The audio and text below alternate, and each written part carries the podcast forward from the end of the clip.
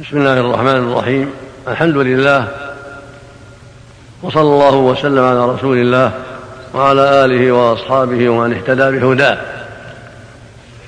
أما بعد فقد سمعنا جميعا هذه الندوة المباركة التي تولاها أصحاب الفضيلة الدكتور سعود بن عبد الله الفليسان والدكتور فضل إلهي إحسان. والدكتور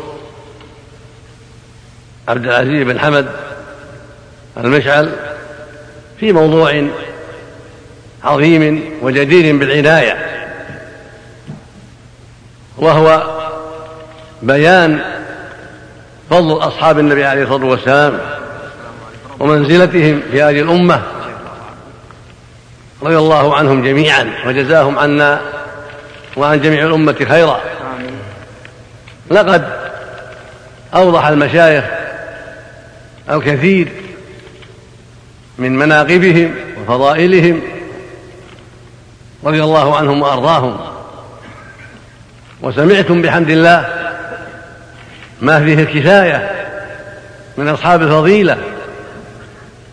فقد بينوا شيئا كثيرا من فضائلهم وحبهم لرسول الله صلى الله عليه وسلم وحب الرسول لهم وبيانه فضلهم وما أنزل الله في كتابه العظيم في بيان فضلهم ومنزلتهم وما قاموا به من الجهاد العظيم بأرواحهم وأموالهم وألسنتهم وسائر ما يستطيعون في نصر دين الله والجهاد في سبيله وإقامة دينه ونصر رسوله عليه الصلاة والسلام والذب عن سنته والصبر في ذلك.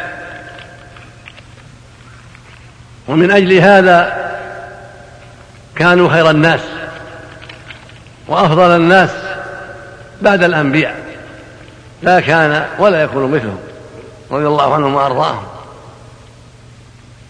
وقد شهد لهم النبي الكريم عليه الصلاة والسلام بأنهم خير الناس بأنهم خير الأمة. حيث قال عليه الصلاة والسلام خير أمتي قرني ثم الذين يلونهم ثم الذين يلونهم. واللفظ الآخر خير الناس قرني. يعني خير جميع الناس من أولهم إلى آخره. فأصحاب النبي صلى الله عليه وسلم هم خير الناس من أولهم إلى آخره. ما عدا الأنبياء عليهم الصلاة والسلام. وهم خير الأمة وأمة محمد خير الأمم. فإذا كانوا خير الأمة فهم خير الناس جميعا. بعد أنبياء الله ورسله عليهم الصلاة والسلام. وفيما سمعتم بحمد الله من المشايخ الخير والكفاية الذي لا يحتاج إلى تكرار. ومن أعظم ذلك وأبين ذلك في كتاب الله قوله جل وعلا والسابقون الأولون من المهاجرين والأنصار والذين اتبعوهم بإحسان رضي الله عنهم ورضوا عنه وأعد لهم جنات تجري تحتها الأنهار خالدين فيها أبدا. ذلك الفوز العظيم. هذه حالهم وهذه منزلتهم.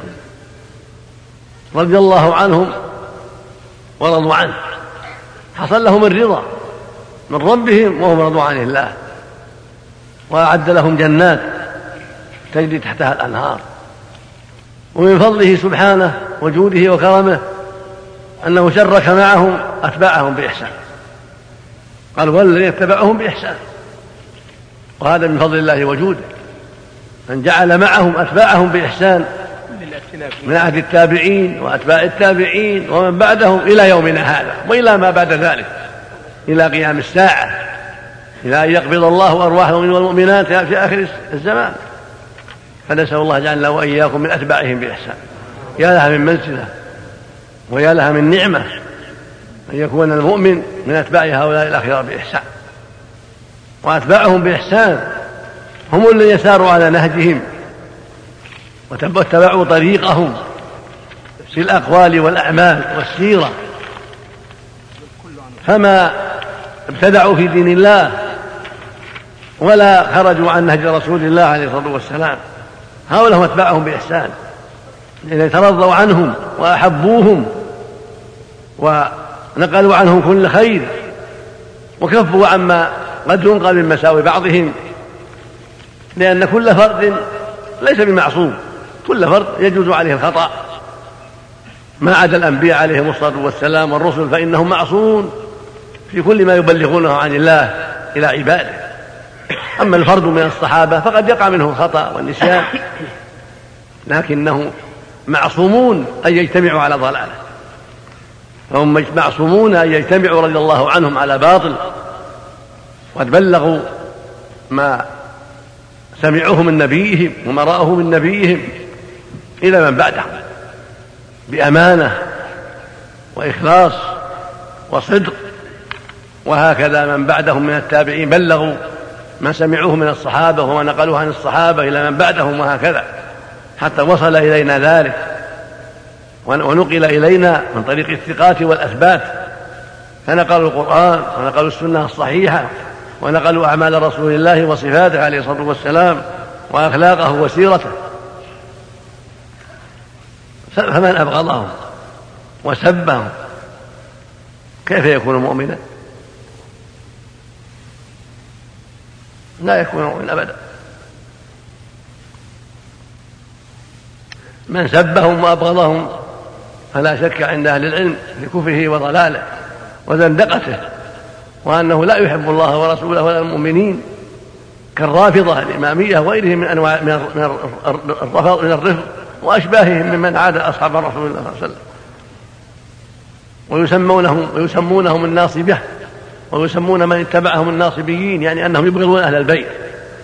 وقد كذبوا في ذلك وافتروا. فإنهم لا يبغضون أهل البيت بل من أحب الناس.